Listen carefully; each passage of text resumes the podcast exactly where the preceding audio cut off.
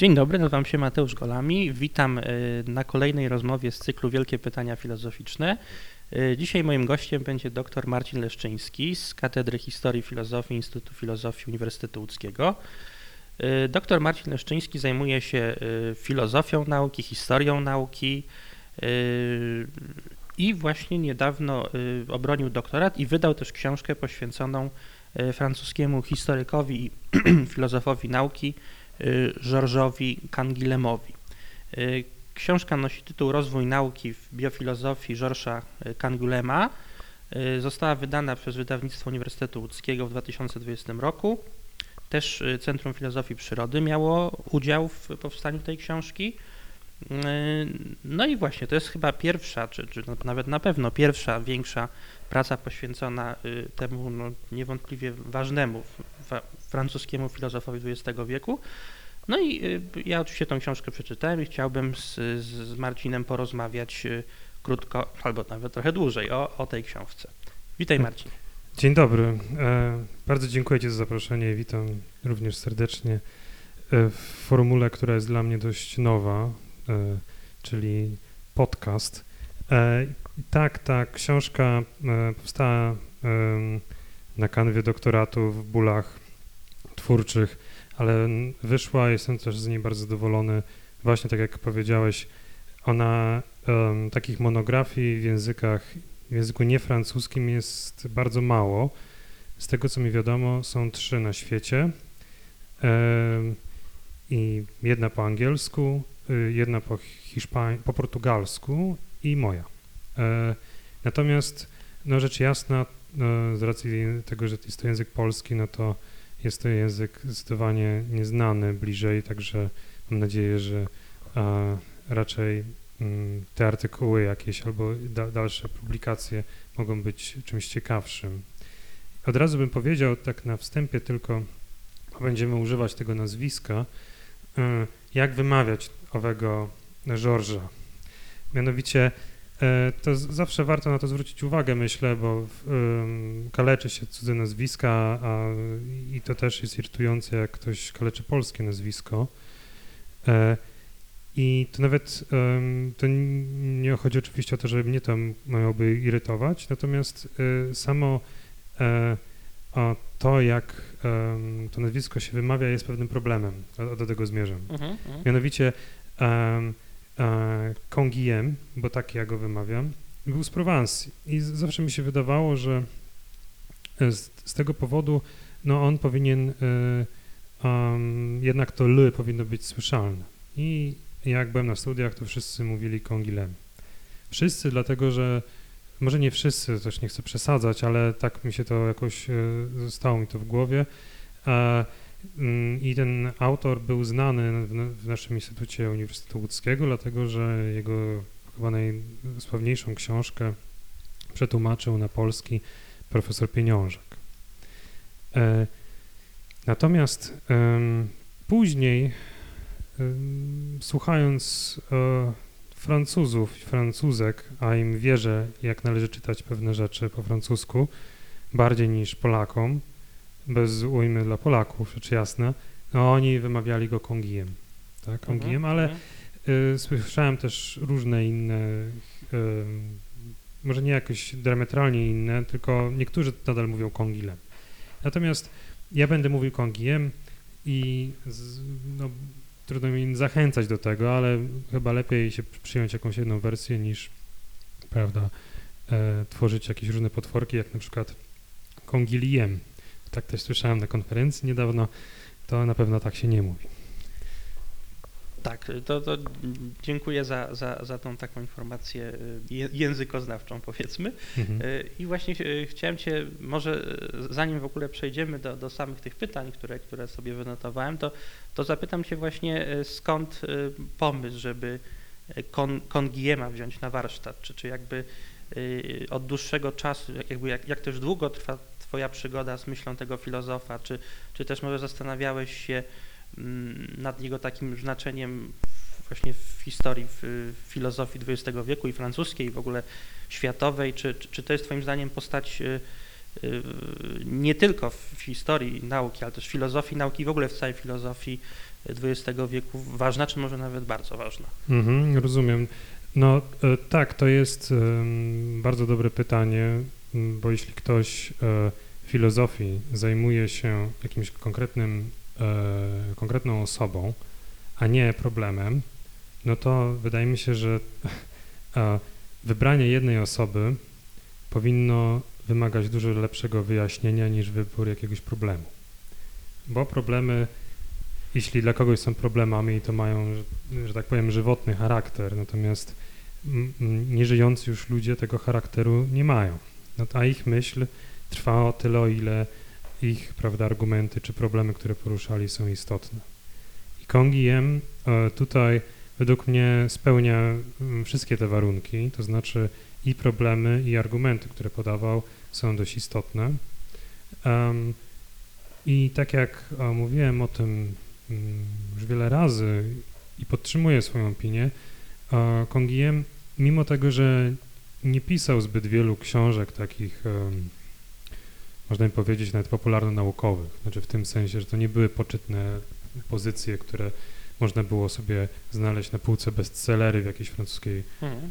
e, księgarni, to te książki e, były rodzajem mm, świadectwa epoki i on, ja bym zaliczył go do takich e, wybitnych kompilatorów różnych tendencji.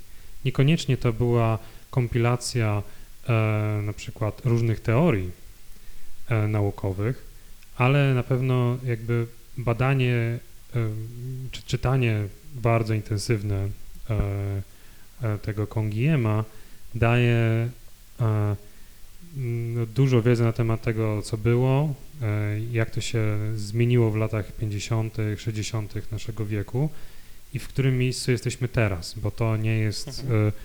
o- On z racji tego, że zajmował się historią nauki i filozofią nauki do końca życia i był w miarę na bieżąco, no to i e, jakby ta postać e, dużo nam może powiedzieć też no, o naszej własnej sytuacji teraz. Mhm, mhm. Tak, i i mo- może też y, to, że on no, bardzo długo żył, prawda? I też jakby cały XX wiek, y, się cała filozofia francuska i świata XX wieku jakoś się pewnie też y, odbijała, prawda? W jego, w jego myśli, czy, czy, czy on też był na bieżąco z tym, więc to, to też y, tak sobie teraz myślę, jak mówisz, może być bardzo ciekawe, interesujące, że, że tak, taka trochę modelowa postać być może do refleksji też nad różnymi zjawiskami we współczesnej filozofii, prawda? Tak, on jest uważany przez wielu za takiego filozofa, em, jednego z ostatnich wielkich francuskich akademików, no bo w Francji się wytworzył ten taki e, właśnie model z kolei filozofa celebryty e, i em, którego to modelu pozazdrościli anglosasi, mam wrażenie. E, I, i on, e, on nie chciał taki być, no, aktywnie jakby rezygnował z takiej roli. A, e, więc to też dużo mówi o filozofii w XX wieku po prostu, tak? I tej jego instytucjonalnej sytuacji filozoficznej, fi- filozofii, która dotyczy no, głównie Francji, ale myślę, że całej Europy i to tak, tak zresztą o tym mówiono. On sam był bardzo świadomy swojej sytuacji i zresztą zajmował się przez wiele lat e, sprawami właśnie takimi typowo biurokratycznymi w edukacji francuskiej i, i światowej, bo był jednym z nauczycieli, pedagogów, którzy mm, pisali raporty dla UNESCO w sprawie edukacji em, właśnie mm, nie wiem, czy to było, to chyba nie był projekt globalny, ale na pewno e, europejsko-afrykański. Mhm, mhm.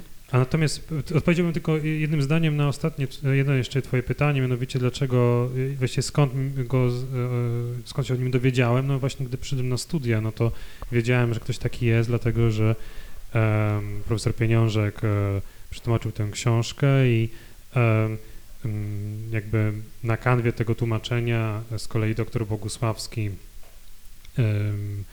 zajmował się e, pewien czas e, Kongiemem, e, wspominał o nim w jednym rozdziale swojej pracy magisterskiej i to był mój pierwszy kontakt z Kongiemem i oczywiście w ogóle nie, nie to jest bardzo interesujące, że to był taki, prawda, przekazanie informacji pomiędzy pokoleniami. Mhm, mhm.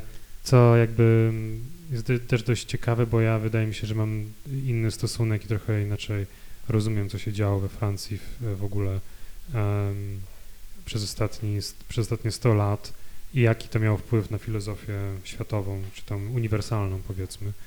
E, ale właśnie ten Kongiem pozwolił mi na to, żebym w ogóle jakoś e, się do, żebym swój własny stosunek wyrobił. E, więc to jest myślę jak, mm, powiedzmy, że w miarę pełna odpowiedź na Twoje pytanie. Mhm, mhm. Y, To może, może teraz przejdźmy y, trochę do, do tych zagadnień stricte związanych y, z treścią książki. No właśnie, i Kongiem, i, i ty, pi, pi, pi, wzorując czy, czy inspirując się jego myślą, piszesz między innymi o, o em, różnych modelach rozwoju nauki, też o, o takiej refleksji historyczno-naukowej.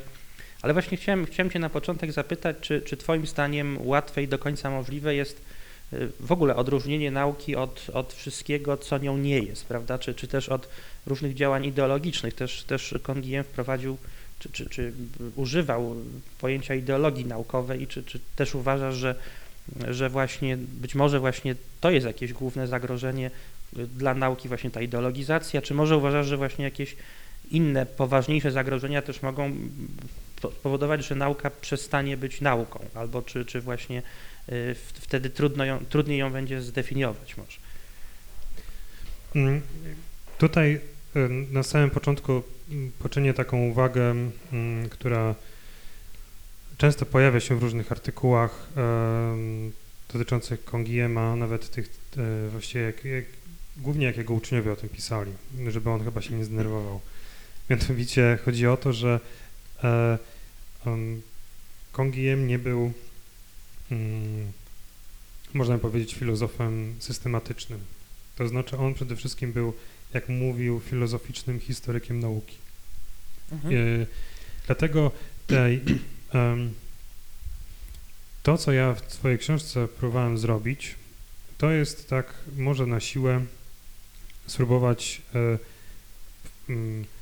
wymusić na Kongiemie, nieżyjącym już, tak, czyli na jego tekstach, odpowiedź na to, co on myśli na temat rozwoju nauki. E, Jak wiadomo, to jest jeden z takich głównych tematów, tradycyjnych, głównych tematów filozofii nauki. A, tak jak się w różnych jakichś takich opracowaniach podręcznikowych mówi, że no właściwie Karl Popper, prawda, powiedział, e, ustalił jakby e, em, granice tego, czym jest filozofia nauki i e, rozwój nauki, czy jak on tam, Popper tak mówi, dla niego to nie ma znaczenia, czy to jest postęp, czy rozwój, dla niego to jest to samo. E, To jest jeden z głównych e, problemów, em, którym miałaby się zajmować właśnie taka subdyscyplina, którą nazywamy filozofią nauki. I teraz e, rzecz jasna, e, jednym to są jakby jeden z dwóch problemów, bo drugi problem to jest tak zwany problem demarkacji, czyli odróżnienia tego, co jest nauką e, od tego, co nią nie jest. E, I e, kiedy dołączymy ten wymiar czasowy, no to sytuacja robi się, można powiedzieć, bardzo dynamiczna, no bo jakby w każdej jednostce czasu e, musimy dokonywać ustaleń, tak, tego, co jest nauką, a co nią nie jest i te ustalenia same, prawda, okre- określają mm, dalszy rozwój nauki w pewnym tam sensie, być może, czy to są nadzieje filozofów i filozofek, że tak się dzieje, ale e, no tutaj e, to jest e, obraz, który wymaga jakby nie tylko takiego statycznego namysłu, można by powiedzieć, ale bardzo mm, takiej, takiego wyobrażenia sobie bardzo dynamicznego układu. I takie dynamiczne układy można badać modelując je. I to się robi. E, modeluje się matematycznie em, rozwój nauki w pewnych dziedzinach. E, Jest taka zresztą książka po polsku, nazywa się Dynamika nauki właśnie i tam są przedstawione różne modele matematyczne tego, w jaki sposób em, możemy, może nie tyle nawet, że opisywać, co właśnie matema- w sposób ilościowy zdawać relacje z, e, z rozwoju nauki. Mhm. No właśnie, ale czy może, y, bo to też takie może pytanie bardziej ogólne, y, czy, czy w ogóle uważasz, że, że y, ta możliwość y, właśnie mo- modelowania rozwoju nauki, w ogóle używania tego określenia rozwój czy, czy postęp nauki, a potem właśnie y, próby y, tworzenia jakichś modeli, y, to jest y, w ogóle do końca dobra droga, prawda? Czy może, może nie jest przypadkiem tak, że, że nauka y, no, jakoś i się rozwija, może potem właśnie robi krok do przodu, krok do tyłu, prawda? I nie ma jakby w tym jakiejś takiej y, nakładki logicznej, że tak powiem, prawda? I, i w związku z tym ciężko to modelować. Nie wiem, jak, jak ty byś się Mhm. do tego odniósł. Mm, no bo, poruszyłeś drugi temat, a jeszcze nie skończyliśmy tego tam o tej ideologii i Mhm, tak dalej, mhm. więc może zrobimy tak, że ja odpowiem na to pytanie teraz, natomiast wrócimy do tematu nauki i nienauki, ideologii później, bo to jest bardzo ciekawe i myślę, że takie, można powiedzieć, e, jakby problem dużo bardziej współczesny Mhm. niż e, to, co, o czym mówimy teraz, znaczy no co, o czym byśmy porozmawiali teraz. I em, no, pytanie o sensowność takich zabiegów to jest w ogóle pytanie według mnie o to, co ma filozofia do powiedzenia o czymkolwiek w zasadzie. Mhm. Bo e, no, y, jasnym jest, że nikt nie jest ograniczany przez e, w myśleniu przez drugą osobę, tak mówiąc bardzo ogólnie, w taki sposób, że nie jest w stanie sobie wyobrazić, prawda, e, no, sytuacji, w której przeciwstawiamy się czemuś. Tak? Mhm. Zawsze y, jest możliwość chociażby wyobrażenia sobie, że się czemuś przeciwstawiamy. Nie musimy się na to godzić, ale e, dla, em, dla Kongiema y, za Bachelardem, czyli jego, swojego uczniem, e, może nauczycielem, e, tak, e, francuskim filozofem nauki, można powiedzieć nawet w większym, większej mierze niż Kongiem. W większej mierze był filozofem, to chciałem powiedzieć. E, mm, ym, to filozofia ma z nauką właśnie to wspólnego, że jest, e, zachęca do tego, żeby właśnie przeciwstawiać się pewnym nawykom myślenia albo próbować sobie je chociażby wyobrazić. No i wedle Bachelarda i w, myślę, że, w duży, że Kongiem to się podpisywał pod tym bez, bez wątpienia, pod takim stwierdzeniem, że e, może trochę trywialnym, ale że nauka no właśnie postępuje czy rozwija się tak wtedy, kiedy e, mówi się nie. Nawet po polsku jest przetłumaczona taka książka Bachelarda, bardzo cienka, ale mm, to chyba nie jest najlepszy najlepszy punkt wyjścia do poznawania Bachelarda, to tak na, na marginesie, gdyby ktoś chciał po nią sięgnąć, e, pod tytułem Filozofia, która mówi nie. Mhm. I to jest e, w tym tytule, czasami tytuły są zwodnicze, ale ten akurat dość dobrze oddaje właśnie ten pewien nastrój, który należy wiązać z, mm, e, z tą, mm, jakby z tą wizją tego, czym jest filozofia i czym również będzie nauka. Oni wyraźnie oddzielali filozofię od nauki, ale myślę, że tutaj o nauce można by powiedzieć to samo. Skoro tak, to modele, które na przykład jakiś, e, górnolotnie mówiąc, modele, tak, bo to nie zawsze są modele w ścisłym sensie, takim jakim byśmy, jaki byśmy oczekiwali od nauk ścisłych.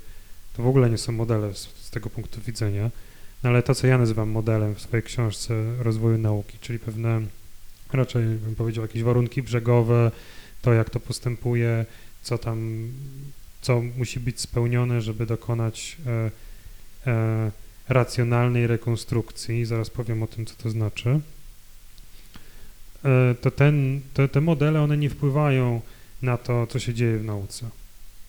I Kongiem, mm, niektóre mogą wpływać, ym, za chwilę tego przejdę, natomiast e, generalnie taki model właśnie, jak ja bym, jak ja go opisuję, jak e, taki model, który ja mogę sobie tam skonstruować w krótkiej książeczce, to to nie jest futurologia.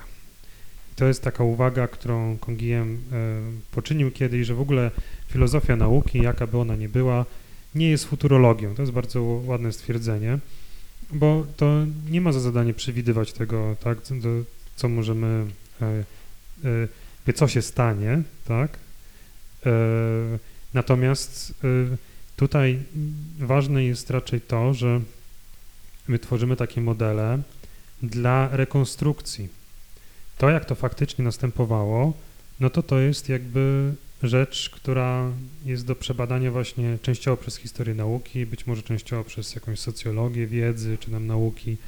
Natomiast y, dla, w ramach historii nauki pisanej mm, dla naukowców, właściwie można by powiedzieć, dla naukowczyń, albo dla tych, którzy chcą się dowiedzieć, e, jakby na czym dokładnie polegał, tutaj powiem, postęp, tak, czyli zastępowanie pewnych teorii teoriami lepszymi z jakiegoś powodu, to do takiej rekonstrukcji e, możemy stosować pewne modele, dlatego że wtedy jakby przyjmujemy pewną definicję tego, co jest lepsze, tak? Mhm, mhm. Co oznacza, że przechodzimy od jakiegoś jednej sytuacji do drugiej.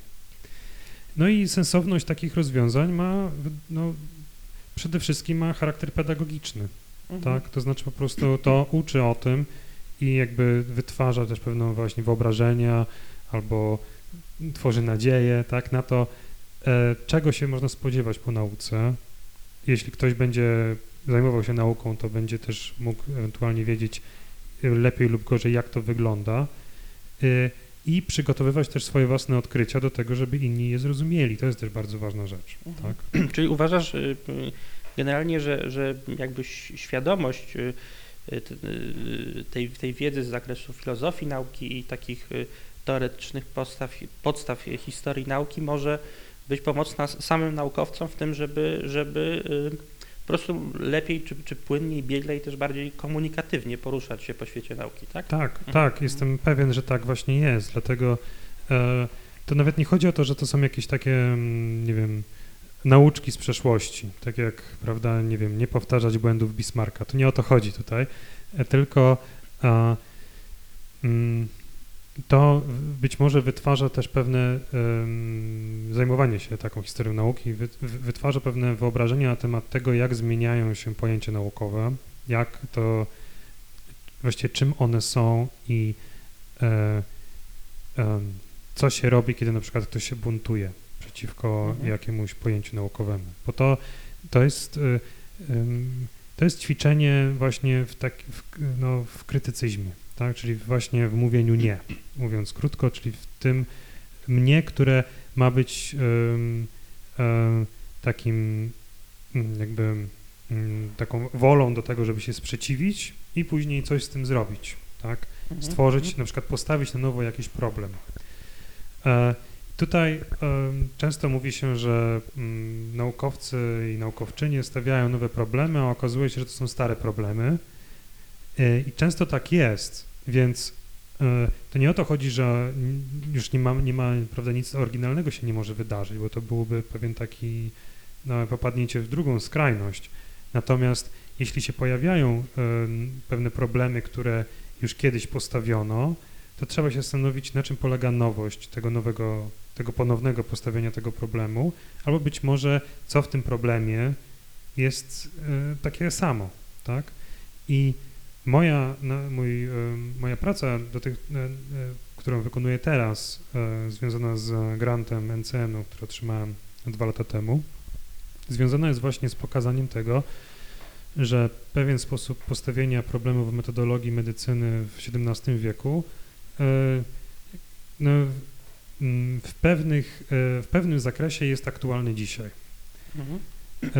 I tutaj to jakby efekt, którego się spodziewam, to nie jest to, że wszyscy zaczną czytać, prawda, XVII-wieczną literaturę, tylko z, zobaczą, że być może e, ten problem jest obciążony na różnych poziomach, e, nie wiem, słownictwem, którego używamy, pewnymi argumentami, które się powtarzają.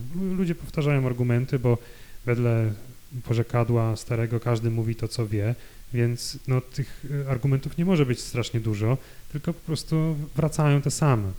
I jeśli ktoś już zaproponował jakieś rozwiązanie, no to trzeba się zastanowić nad tym, y, prawda, y, co my właściwie robimy. Tak. A właśnie jakbyś mógł powiedzieć, jak, jak zapatrujesz się od takiej innej strony, trochę bardziej instytucjonalnej na, na te zagadnienia y, związane z filozofią nauki, historią nauki. Y, Czy, czy uważasz, że, że to jest jakby bardziej powinna być domena filozofów, samych naukowców, którzy gdzieś tam próbują od strony teoretycznej u, tą, u, ugryzać, że tak brzydko powiem, tą, tą swoją dziedzinę wiedzy i też tworzyć y, jakąś, jakąś historię tej swojej dyscypliny? Czy może właśnie to powinna być taka wielka współpraca i historyków, i, i filozofów, i, i naukowców, i może wtedy właśnie ten, y, te, te, te dwie dziedziny, czyli historia nauki i filozofia nauki, będą takie najbardziej pełne. No i też czy uważasz, że to jest jakby w praktyce możliwe? Czy ta, ta współpraca na przykład z naukowcami, współpraca z historykami y, y, też się układa? Czy to są jednak środowiska, które gdzieś tam się zamykają i, nie chcą za bardzo ze sobą współpracować?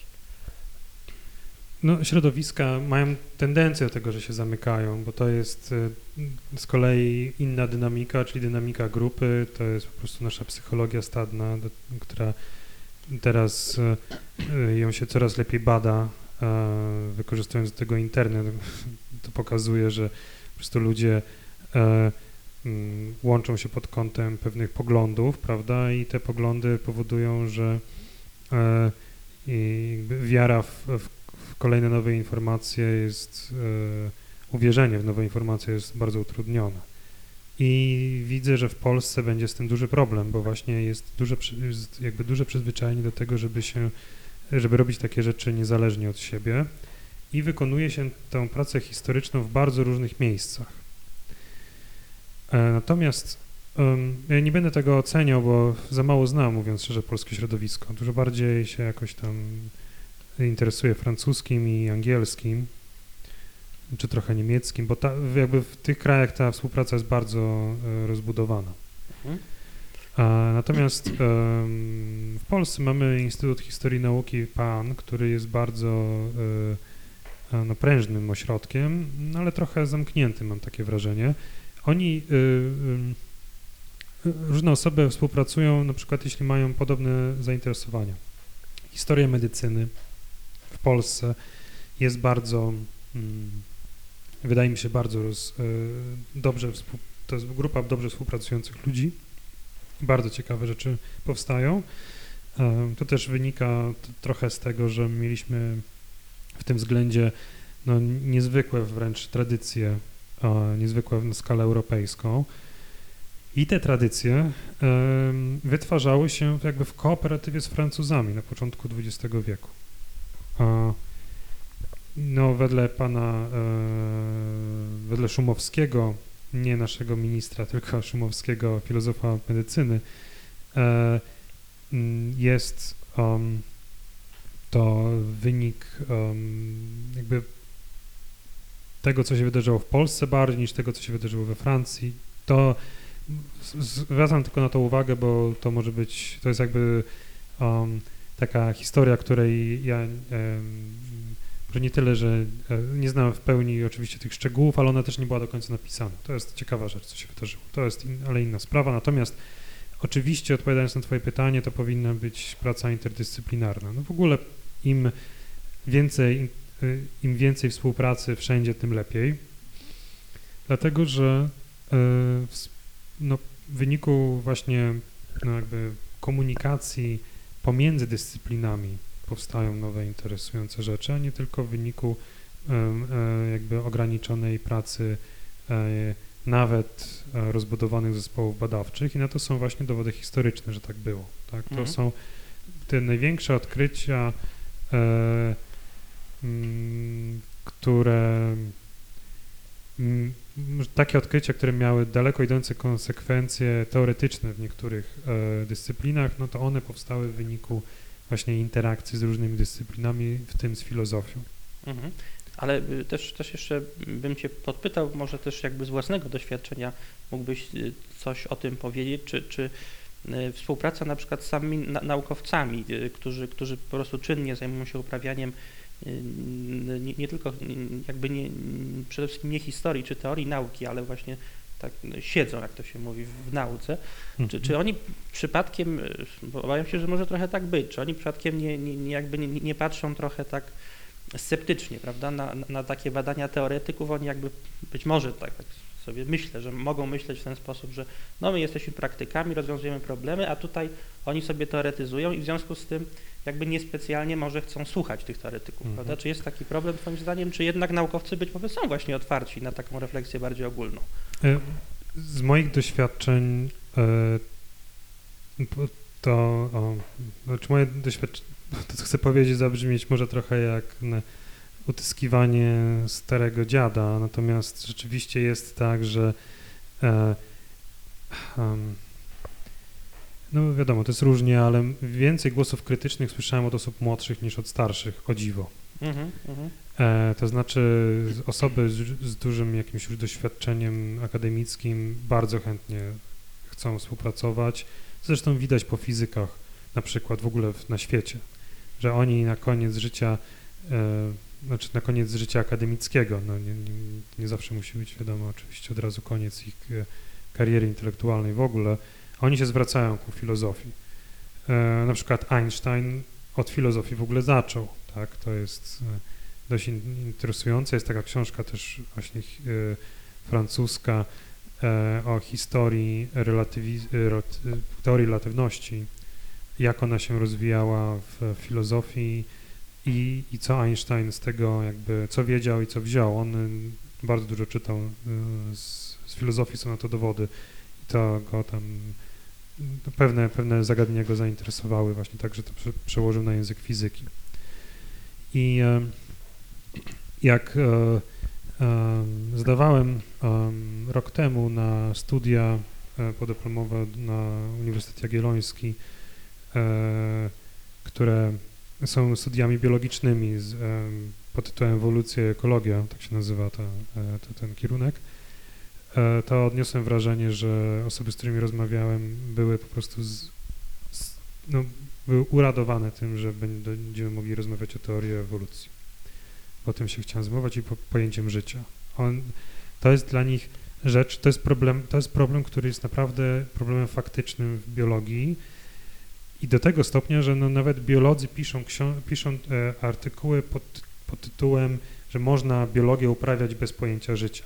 To znaczy oni się zastanawiają nad tym, czy tego rodzaju e, dywagacje, jaki mają status biologii, czy po prostu jak je uprawiać, e, co należy, e, w jakich re, regionach tego, te, tej dyscypliny to jest interesujące. No niestety przez pandemię studia się nie otworzyły, ale no, to doświadczenie miało było bardzo pozytywne, tak, i dlatego też staram się szukać takich osób. Nawet na Uniwersytecie Medycznym w Łodzi taka współpraca zachodzi właściwie cały czas pomiędzy lekarzami a członkami katedry bioetyki, do których teraz też będę należał od października, Mhm, więc liczę na właśnie na to, że ta współpraca się zacieśni jeszcze bardziej. Y, chciałem, chciałem Cię też zapytać o- bo tutaj też w tej książce ten wątek się trochę pojawia, czyli problem socjologii wiedzy, socjologii nauki. Y, y, Czy Twoim zdaniem właśnie y, takie rozważania już może mniej właśnie fi- filozofii, fi- dotyczące filozofii nauki, tylko bardziej socjologii, czy, czy, czy właśnie no, no generalnie szeroko pojętych badań społecznych nad nauką, czy one Twoim zdaniem mm, no nie mają właśnie takiego zagrożenia mocnego relatywizmu dla nauki? No bo one rzeczywiście jakoś tam u tych podstaw teoretycznych mówią o, o tym, że, że to człowiek, społeczeństwo głównie konstruuje i naukę, i teorie naukowe. Czy, czy Twoim zdaniem na przykład właśnie taki punkt wyjścia byłby być może lepszy w badaniach nad nauką, czy właśnie ten punkt wyjścia jednak wychodzący od traktowania nauki jako takiej pewnej dziedziny autonomicznej i być może też y, jakoś tam dążącej do nawet być może dosyć obiektywnie rozumianej prawdy, mm, nie, nie tak bardzo uzależnionej, jak twierdzą właśnie socjologowie, od kontekstu społecznego czy psychologicznego. No to jest, em, część odpowiedzi na to pytanie to jest e, gruba odpowiedź filozoficzna na to, czy jeśli u, użyjemy słowa, że c- prawa nauki są konstruowane, to czy to od razu prowadzi do relatywizmu? Ja uważam, że nie. To znaczy można przyjmować i większość, myślę, współczesnych filozofów nauki przyjmuje, że prawa naukowe są konstrukcją. I to, że to, że są konstrukcją, to właściwie z, raczej jest rodzajem takiego st, st, statementu e, negatywnego, czyli przeciwko jakimś formom rea- naiwnego realizmu, czyli takiego sformułowania, że takiego przekonania, że teorie naukowe e, w jakiś sposób odzwierciedlają rzeczywistość. Używamy słowa odzwierciedlają, bo właśnie no, mamy przekonanie, że teoria nau- w teorii naukowej są jakieś takie no, pewne, no, pewnego rodzaju obrazy rzeczywistości, tak? Czyli one tam, jak, jak patrząc na teorię naukową, możemy widzieć świat na przykład. Można by też taką metaforę sformułować, ale to są wszystko dość e, sposoby mówienia o nauce, które są szkodliwe, to znaczy one nie, nie, nie tłumaczą tego, co się de facto dzieje i e, mm, też nie, nie za, jeśli się korzysta z tych metafor, żeby krytykować naukę na przykład e, albo filozofię nauki z takiego mm, właśnie można powiedzieć ze, stac, ze socjologicznej e, pozycji, no to e, raczej e, bije się w chochoła, czyli w coś, co nie istnieje. Żeby od, ja mogę powiedzieć tylko tyle, tak, żeby się na tym dalej nie rozwodzić, że ja uważam, że można właśnie bez sprzeczności powiedzieć, że prawa nauki, bo mówimy tutaj, o, jak używam słowa prawa, to też jest problem, bo na przykład w takiej biologii to właściwie nie ma żadnych praw z punktu widzenia, no, jeśli się porównuje z fizyką, tak? Dlatego może przejdziemy za chwilę, bo to jest ciekawy problem, gdybyś miał na to ochotę. Natomiast używajmy na razie słowa prawa. Y, One mogą być, możemy je nazywać konstruktami i to w ogóle nie, nie wpływa na to, czy one są fałszywe, czy nie. One są fałszywe ze względu na zupełnie inne rzeczy. E, Natomiast z socjologią wiedzy to problem jest innego rodzaju. Mm, Mianowicie taki, że tam ona też jest różnorodna, tam są różne nurty, najczęściej się mówi o mocnym i słabym programie socjologii wiedzy i ten mocny jest najczęściej krytykowany, bo w, w nim przyjmuje się, że właściwie do rozstrzygania problemów wewnątrz nauki e, socjologia jest e, tak samo dobrze przygotowana jak e, sami naukowcy w ramach tej dyscypliny. No, tylko, że to rozstrzyganie oczywiście nie chodzi o jakieś tam konkretne sprawy techniczne, takie, którymi oni się zajmują, tylko jakby o na przykład odkryć, ustalenie, że nie wiem, pewne teorie w fizyce, dajmy na to, one de facto są em, em, przetworzonymi wyobrażeniami na temat społeczeństwa, tak, e, i relacji międzyludzkich, a nie tego, jak wygląda świat. I e, tak, takie postawienie sprawy no, dla Kongiema, bo o nim tutaj myślę, że warto wspomnieć, no, było e, może nawet nie tyle, że absurdalne, co, mm, co prowadziłoby do, no, do zwyczajnie do jakiegoś e, e, niepraw, nieprawdziwego opisu.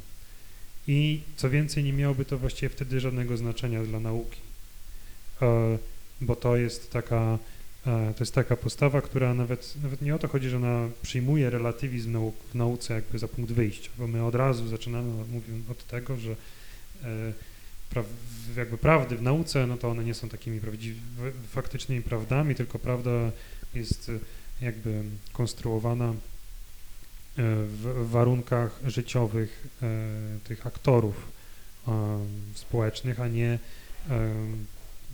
nie są, to nie jest cecha, która przynależy konkretnej teorii.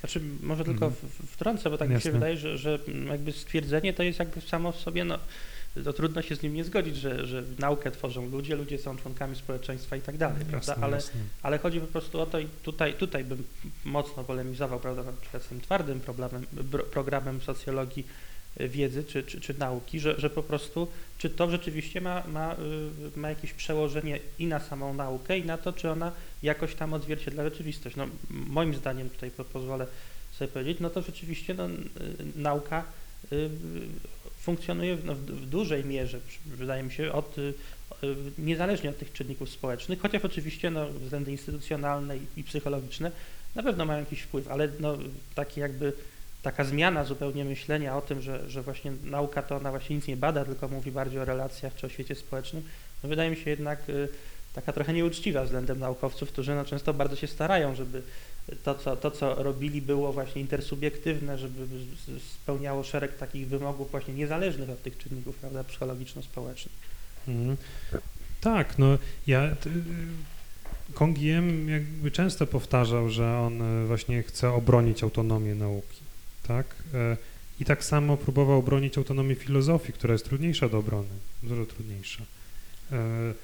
Dla niego właściwie filozofia nie ma swojego swoistego przedmiotu. On, uwa- on używał takiego określenia, że filozofia ta pasożytuje na, na innych dziedzinach. Ja się z tym zgadzam.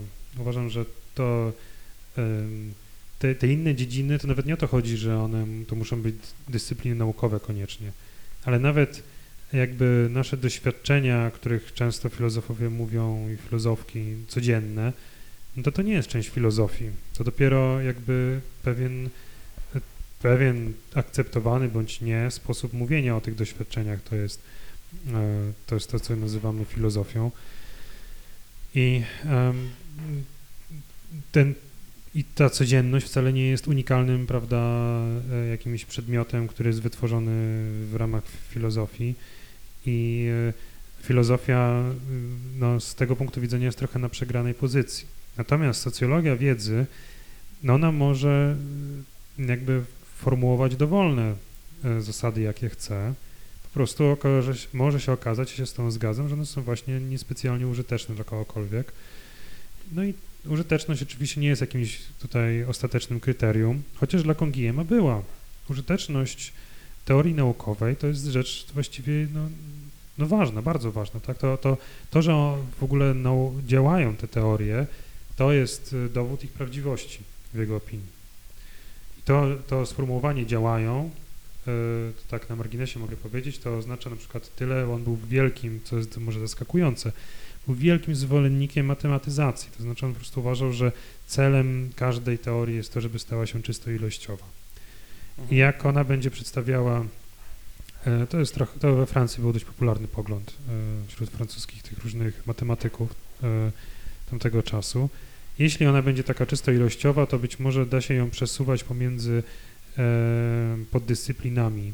I on podawał przykłady, że pewne modele fizyczne, no można je właśnie zastosować, e, prawda, elektromagnetyzm tak powstał, że zastosowano po prostu inną, jedną teorię w miejscu, które wydawałoby się, że nie ma, nie, nie ma związku i się okazuje, że te modele no, w, pewnych, w pewnej części przynajmniej tam jakoś działają. Oczywiście trzeba i tak dostosować je i zmienić.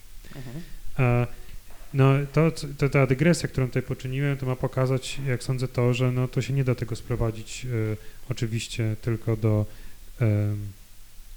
tylko e, mm, nie chcę powiedzieć relacji międzyludzkich, bo, ale właśnie nie mam innego pomysłu, bo to są wszystko takie pusto, to jest pustosłowie, mam wrażenie momentami. E, natomiast co jest interesującego w socjologii wiedzy, to to, że to ona próbuje tłumaczyć, y, jak dochodzi właśnie do pewnych odkryć, mm, jak one są umożliwione dzięki temu, że e, właśnie powstały jakieś ośrodki badawcze, że była jakaś konferencja, ktoś kogoś spotkał, ktoś gdzieś pojechał. To są takie rzeczy, które są niebagatelne do tego, żeby dochodziło do jakichś odkryć i one być może, albo nawet bardzo często wpływają na to, jak jak się formułuje efekty takich badań. Mhm, mhm. A może tutaj też, Mhm. też taki problem mi się, mi się nasuwa, nie wiem, czy też jakoś y, w swojej pracy badawczej się z nim zetknąłeś, czyli problem właśnie na przykład, y, to, to też by było jakoś tam związane z socjologią, czy nawet psychologią wiedzy, nie wiem w ogóle, czy można mówić o takiej dziedzinie, ale, ale chodzi po prostu o to, że, że czasami być może mamy do czynienia naprawdę z bardzo ciekawymi, czy, czy wielkimi naukowcami, ale właśnie y, no, oni nie mogą zaistnieć przez właśnie jakieś tam czynniki społeczne powiedzmy, czy, czy nawet indywidualne, psychologiczne, na przykład nie wiem, trudny charakter, nie potrafią się dogadać ze środowiskiem i są gdzieś tam spychani na margines, Mhm. czy, czy, czy i w historii nauki, jakby w teorii nauki spotykasz dużo takich sytuacji, badając to? Tak, tak, to jest, y, dużo jest takich przykładów. E, e, To, no, to jest rzecz, która mm, jakby jest wodą na młyn właśnie socjologii wiedzy, tak? No bo to się nagle okazuje, że ktoś miał rację, ale go nikt nie słuchał. To się zdarza i to jest rzecz, która jest e, no niestety em, może nie jest problemem samej nauki, tylko jakby osób, tego jak się tę naukę relacjonuje. Bo to może być, bo jeśli ktoś uczciwie jakby, prawda, próbuje przedstawić problem naukowy, no to jeśli robi to właśnie w uczciwy sposób, no to w takim, wtedy się nie po- powołuje tylko na przykład na wypowiedzi autorytetów, które próbują zepchnąć kogoś w, e, e, w niebyt, czy tam usunąć w cień, e, tylko no, przedstawia jakby pełen obraz tak, Mhm. e, tego, co się dzieje w, w, nauce i tak często e, często bywało i tak, i tak, to znaczy, że no właśnie no, ktoś zyskiwał zwolenników, a ktoś po prostu ich nie mógł uzyskać, dlatego że był osamotniony tak, na, na tej arenie. Tylko mm, tak mi się też, też wydaje, że może w nauce w ogóle ten, ten problem właśnie takiego nieodnajdywania się powiedzmy w jakichś potencjalnie czy, czy, czy, czy, czy rzeczywiście wybitnych y, naukowców jest jakby i tak, tak, tak mi się przynajmniej wydaje, mniej poważny niż na przykład w filozofii, prawda, przynajmniej w historii, jak, jak widzimy, Mhm. ilu fil- ważnych dzisiaj filozofów nie, nie było specjalnie cenionych za życia, czy na przykład w sztuce tym bardziej, prawda, gdzie jakby mamy do czynienia często z wieloma artystami, którzy dopiero po, po wielu, wielu latach zostali odkryci, prawda? Mhm. No to czy, czy, gdzie, gdzie jest więcej, a gdzie mniej, no to to jest pytanie, które, na które można dać odpowiedź jednoznaczną, ale nie wiem, czy ktoś takie badania by zrobił, no bo to e, trzeba by policzyć, no ale to też Mhm. policzyć co? Teorie, osoby, dzieła sztuki, no i, bo z, jak jeśli mówimy o sztuce, to ja mam takie wrażenie, że to jest e, rzecz e, na, na tyle jakby tak, tak bardzo zrelatywizowana do momentu historycznego, jak to mówią ładnie filozofowie często, czyli jest po prostu kwestią mody i pewnego y, wytworzenia gustu, mm, odnalezienia czegoś, wypromowania czegoś. E, I e, w, w filozofii jest pewnie bardzo podobnie. E, I tylko, że filozofii, filozofia jest taką dziwną dziedziną, że ona próbuje jednak przypominać trochę naukę. I tam pokazuje się, że jacyś ludzie są przykład ważnymi ogniwami w jakimś rozwoju intelektualnym. I tak zresztą często się dzieje, tak, że to jest, zapomina się o nich, zapomina się tak samo w nauce. Przecież o całych zastępach ludzi e, ym, z jakichś często powodów zupełnie nieracjonalnych, czyli na przykład ze względu na to, że to były badaczki, albo że te osoby były innego koloru skóry, albo dlatego, że pochodziły z nizin społecznych, albo były, nie wiem, miały poglądy, które nie były akceptowane wtedy. Bardzo często dotyczy to przecież lewicowych, różnych prominentnych e, naukowców. E, choćby z mojej działki mogę wspomnieć o niejakim Oparinie. Oparin był jednym z pierwszych biolog, protobiologów, czyli biologów, którzy zajmowali się problemem powstania życia. To, to tak, kojarzę, pamiętam. No właśnie, i Oparin był wybitnym e, Tak. naukowcem, To ale to pojęcie y, pizzy pierwotnej, tak? To jest jego pojęcie? Zupy pierwotnej. Zupy pierwotnej, tak. Pizza pierwotna też jest niezła. Też tak słyszałem gdzieś kiedyś. Tak, ale nie, nie, bo to być może to jakaś kolejna ym, przetworzenie tej metafory, ale z, Mhm, z, znaczy o zupie to pisał kto inny. Oparin, um, Oparin przede wszystkim próbował udowodnić e, to, w jaki sposób e, materia nieożywiona stała się ożywioną. I on wprost e, odwoływał się w swoich fragmentach teoretycznych do Engelsa i filozofii indyjskiej. No i em, historia tego, w jaki sposób Oparina próbowano usunąć z historii nauki, jest dobrze przedstawienia w książce a, em, profesora Ługowskiego. Nie wiem, przypomnę sobie teraz dokładnie tytułu, ale tam pokazuje, w jaki sposób między innymi Popper, który nie znosił wszelkich przejawów e, prawda, lewicowości, e, usuw, us, próbował usunąć Oparina em, z podręczników historii nauki. E, I e, zdarza się też przecież tak, że mm, mm, właśnie ktoś, to podam od razu przykład osoby, która nie była wysłuchana bardzo długo. e, To jest taki klasyczny przykład z historii nauki współczesnej, to znaczy e, problem wrzodów w żołądku. Mianowicie bardzo długo uważano przecież, że to jest efekt prawda, nad, e, zwiększonej kwasowości i, i wrzody powstają w wyniku tego, że mm, powstają rany na, na błonku i e, są niszczo, jakby wrzód powstaje w wyniku właśnie tego, że, Wyżerania że wyżera solnego, kwas, tak? No a wiadomo, te od y, bodaj 14 lat, jeśli się nie dobrze liczę, że jest to wynik prawda, działania bakterii pylori, które są, no, one jakby najpierw tworzą e, te rany i dopiero później powstają wrzody. Jest to, było to odkrycie bardzo istotne, dlatego że zmieniało w ogóle no, postępowanie kliniczne tak, wobec osób, które mają wrzody. E, I ta historia była no, nie, w ogóle absurdalna zupełnie. No, ten pan, który to e, odkrył, był zupełnie odsuwany przez e, Towarzystwo Gastrologów na całym świecie. Oni, im bardziej on jakby naciskał, to tym bardziej się zamykali.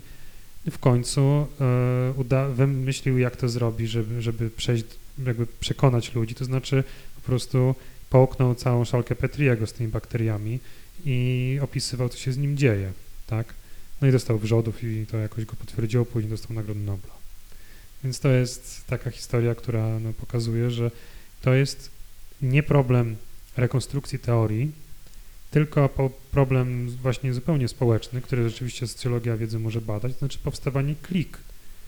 Kliki to są takie grupy osób, które mają pewien z, o, y, wspólny prawda, zestaw poglądów i y, są impregnowane nowe poglądy, jeśli one się y, z jakimiś ważnymi dla nich poglądami mm, wiążą i wtedy każdy kolejna, każda kolejna, znaczy każdy kolejny pogląd czy przekonanie, które będzie powiązane z tym wcześniejszym, a nie powiązane z tym, z tymi przekonaniami, które posiada klika, będzie odrzucane. I w, wśród naukowców, jeśli oni i, albo one nie posiadają dość dobrze wyrobionego tego kręgosłupa moralnego naukowców, no to, czy nauki, no to będą odrzucać po prostu takie teorie.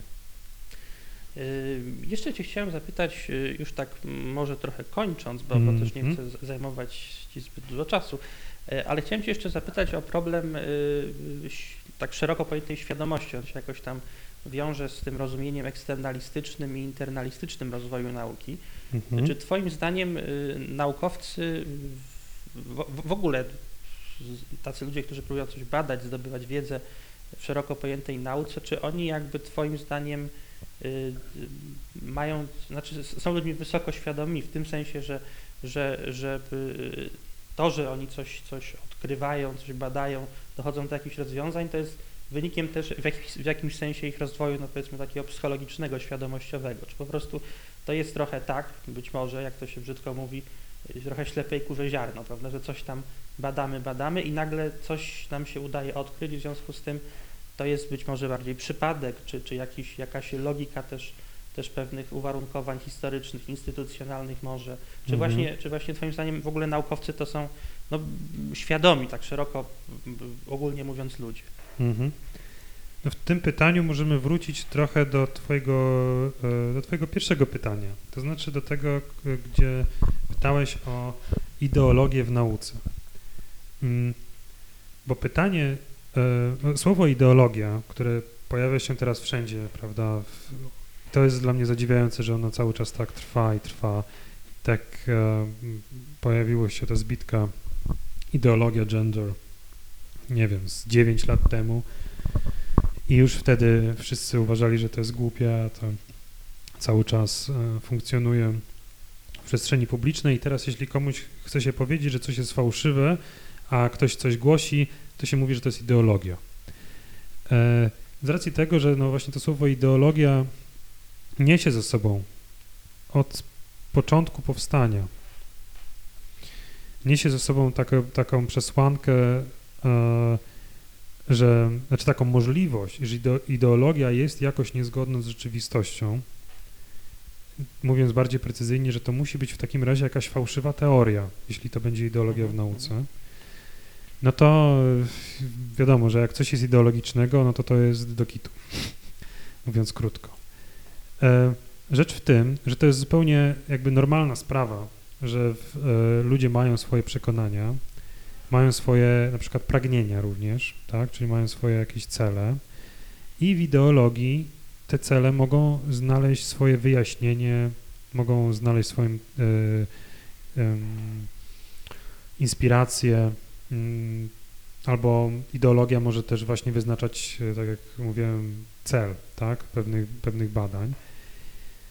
I to, jak to się zbiega wszystko w, jakby w psychice pojedynczej osoby, no to jest sprawa, która z punktu widzenia filozofii nauki nie jest jakoś bardzo interesująca. E, dlatego, że mm, zadanie filozoficzne, które dotyczy historii nauki, ono ma, e, to, ma polegać na tym, że się właśnie dokonuje rekonstrukcji tego, co się stało. I ta rekonstrukcja ma pokazać, no może pokazywać różne rzeczy, tak? Może pokazywać, może się skoncentrować tylko na postępie, może się skoncentrować tylko na tym, no postęp, no to, to żeby widzieć postęp, to muszą być bardzo wyraźne te punkty przystankowe, te milestones, jak mówią Anglicy. Albo z drugiej strony można e, próbować pokazać właśnie, że tam było e, mnóstwo zapomnianych osób, żeby ten postęp z, zaszedł, albo że w ogóle nie było żadnego postępu, tylko był jakiś regres, bo właśnie kogoś chciano e, wykopać, mm, to mówiąc kolokwialnie. Em, Nawet jeśli weźmiemy pod uwagę wszystkie te trzy rzeczy, to i tak tam jakby jednostkowa psychika nie jest niczym decydującym. To może być zwyczajnie ciekawe, tak, że na przykład się skoncentrujemy na czyichś notatkach i na przykład no, notatki Darwina to jest chyba coś, co było przeczytane na wszystkie możliwe sposoby. Od góry, od do dołu y, sprawdzono, co on wy, wytarł e, ołówkiem, co było innym atramentem dopisane. Wszystko tam jest, z, po prostu próbowano znaleźć. Między innymi zresztą zajmował się tym jeden z uczniów Kongiema. On, em, mm, pan jest bardzo, bardzo miłym, ciekawym człowiekiem, on jest redaktorem dzieł zebranych, e, teraz wychodzących e, od kilku lat. Przygotowuje bibliografię mm, krytyczną właśnie wszystkich e, tekstów o Kongiemie. E, i wie, więc jakby on dobrze sobie radzi właśnie w takiej pracy archiwistycznej, niewąt, bez wątpienia, i on e, zaczął swoją pracę e, właśnie od Darwina. No i tam widać, że on na przykład dla Darwina dużo ważniejszy był Lamarck, niż się to zazwyczaj podkreśla, bo Lamarcka wszyscy znają z tego, że z tej półstrony, o, które można znaleźć e, u Darwina o pochodzeniu gatunków, e, gdzie on e, Lamarcka krytykuje. No ale to bywa często tak, że jak, że jak ktoś jest taki ważny, to próbujemy tą, tą wagę tej osoby trochę zmniejszyć, żeby nie wyszło, że powiedział coś ciekawego. E, Albo żeby nie doszło do jakiegoś kultu jednostki. no właśnie, też z drugiej strony, no, y, wśród tych, prawda, zdradzonych neofitów. To trochę tak jak e, Leibniz i Kant, to nasz pracownik e, Instytutu profesor Banaszkiewicz często powtarza, że dla Kanta właściwie Leibniz to była jedna z, chyba najważniejsza osoba, a Leibniz u Kanta się prawie w ogóle nie pojawia. Tak, on właściwie się nie chce przyznawać do tego, że u Leibniza można znaleźć jakieś początki tego prototranscendentalizmu. No więc y, jak ta, ba, ta świadomość tego e, osoby nauki jest, y, no, y, nie, nie może być jakoś nadmiennie eksplorowana, jak sądzę, dlatego, że można zacząć się y, złapać, można wpaść w taką pułapkę, w którą padają często literaturoznawcy i w ogóle na przykład badacze głównie sztuki, to znaczy jaka była intencja. Rekonstruowanie intencji y, jest, tak jak mówiłem, może być ciekawe dla kogoś, natomiast y, y, z punktu widzenia rozwoju nauki e, to intencje mają bardzo ograniczony, ograniczony sens, bo Mhm. intencja może być na przykład intencja może być na przykład czysto ideologiczna, e, związana na przykład z tym, żeby udowodnić, nie wiem, na przykład rasizm, tak? Ale może się okazać, że przy okazji ktoś zrobił jakieś ważne odkrycie i dla nauki to będzie trudne do przełknięcia, ale będzie to elementem rozwoju. Często na przykład mówiono, że no te badania w, w obozach koncentracyjnych, tak, no to były one to były no, skrajne nadużycia etyczne, ale były ważne z punktu widzenia nauki. no jest to nieprawdą, tak? Te badania właśnie nie były ważne, tak? Właściwie nic tam ważnego, jakby, jakby wynik w stosunku do kosztu, jeśli w ogóle jakiś był, w ogóle był niewspółmierny, tak? I dlatego to jest, między innymi dlatego one są tak krytykowane i tych wszystkich naukowców próbuje się jakby zdyskredytować, tak? Po czasie. To, to może też jest y, Mhm. dobry też argument na pokazanie na to, jak że, właściwie y, ideologizacja nauki, no bo niewątpliwie no, nauka w hitlerowskich Niemczech, Niemczech była skrajnie zideologizowana, Tak, jakby po, powoduje, że, że wszystko się w tej nauce sypie, prawda? To znaczy nawet właściwie nie można, znaczy, ludzie jakby no, zaczadzeni tą ideologią, naukowcy zaczadzeni tą ideologią też y, nie prowadzą badań, które rzeczywiście potem historia ocenia jako, jako sensowne. Tak, no bo tutaj zabrakło u nich czegoś, co y, właśnie w w pedagogice jakby francuskiej, po Bachelordzie i Congiem jest podkreślane, to znaczy, że zabrakło im właśnie mówienia nie, czyli tego Mhm, krytycyzmu, mhm. tak? Jeśli ktoś e, zupełnie świadomie e, ma pewne cele ideologiczne, które są w jakiś sposób e, em, powodują, że to, co e, ta osoba robi i nie wiem, em, mm, będzie oceniane przez innych za prawda, nierzetelną naukę albo za po prostu zwykły fałsz, no to to jest sytuacja no, najmniej pożądana, tak? bo ona, bo tutaj jakby nakłady pracy, które są związane z tym, żeby komuś wykazać, prawda, tą ideologiczność, no są marnowane, ta energia jest marnowana, a mogłaby być ukierunkowana gdzieś indziej. E, filozofia nauki według mnie ma taką e, rolę, że tutaj wśród e, osób e, zajmujących się tą dziedziną jest, prawda, miejsce na takie wydatkowanie energii, które będzie dążyło do pokazywania po prostu zideologizowanej nauki, sprzeczności. Ta ideologizacja, bo to, to jest takie słowo, znowu worek, ale to może być nawet komercjalizacja, prawda, niektórych badań. Nierzetelność em, firm farmaceutycznych. E, to jest taka rzecz, która, prawda, rozpala wiele, e, em, wiele wyobraźni wielu osób. I to, nie, to jest rzecz, która oczywiście jest e, warta podkreślenia, e, zwłaszcza, że ta, no to jest taki ważny problem, prawda, E, mim- mimo rozbudowanych procedur, to nadal można znaleźć jakieś, prawda, rzeczy, sytuacje, które są wątpliwe, powiedzmy, tak,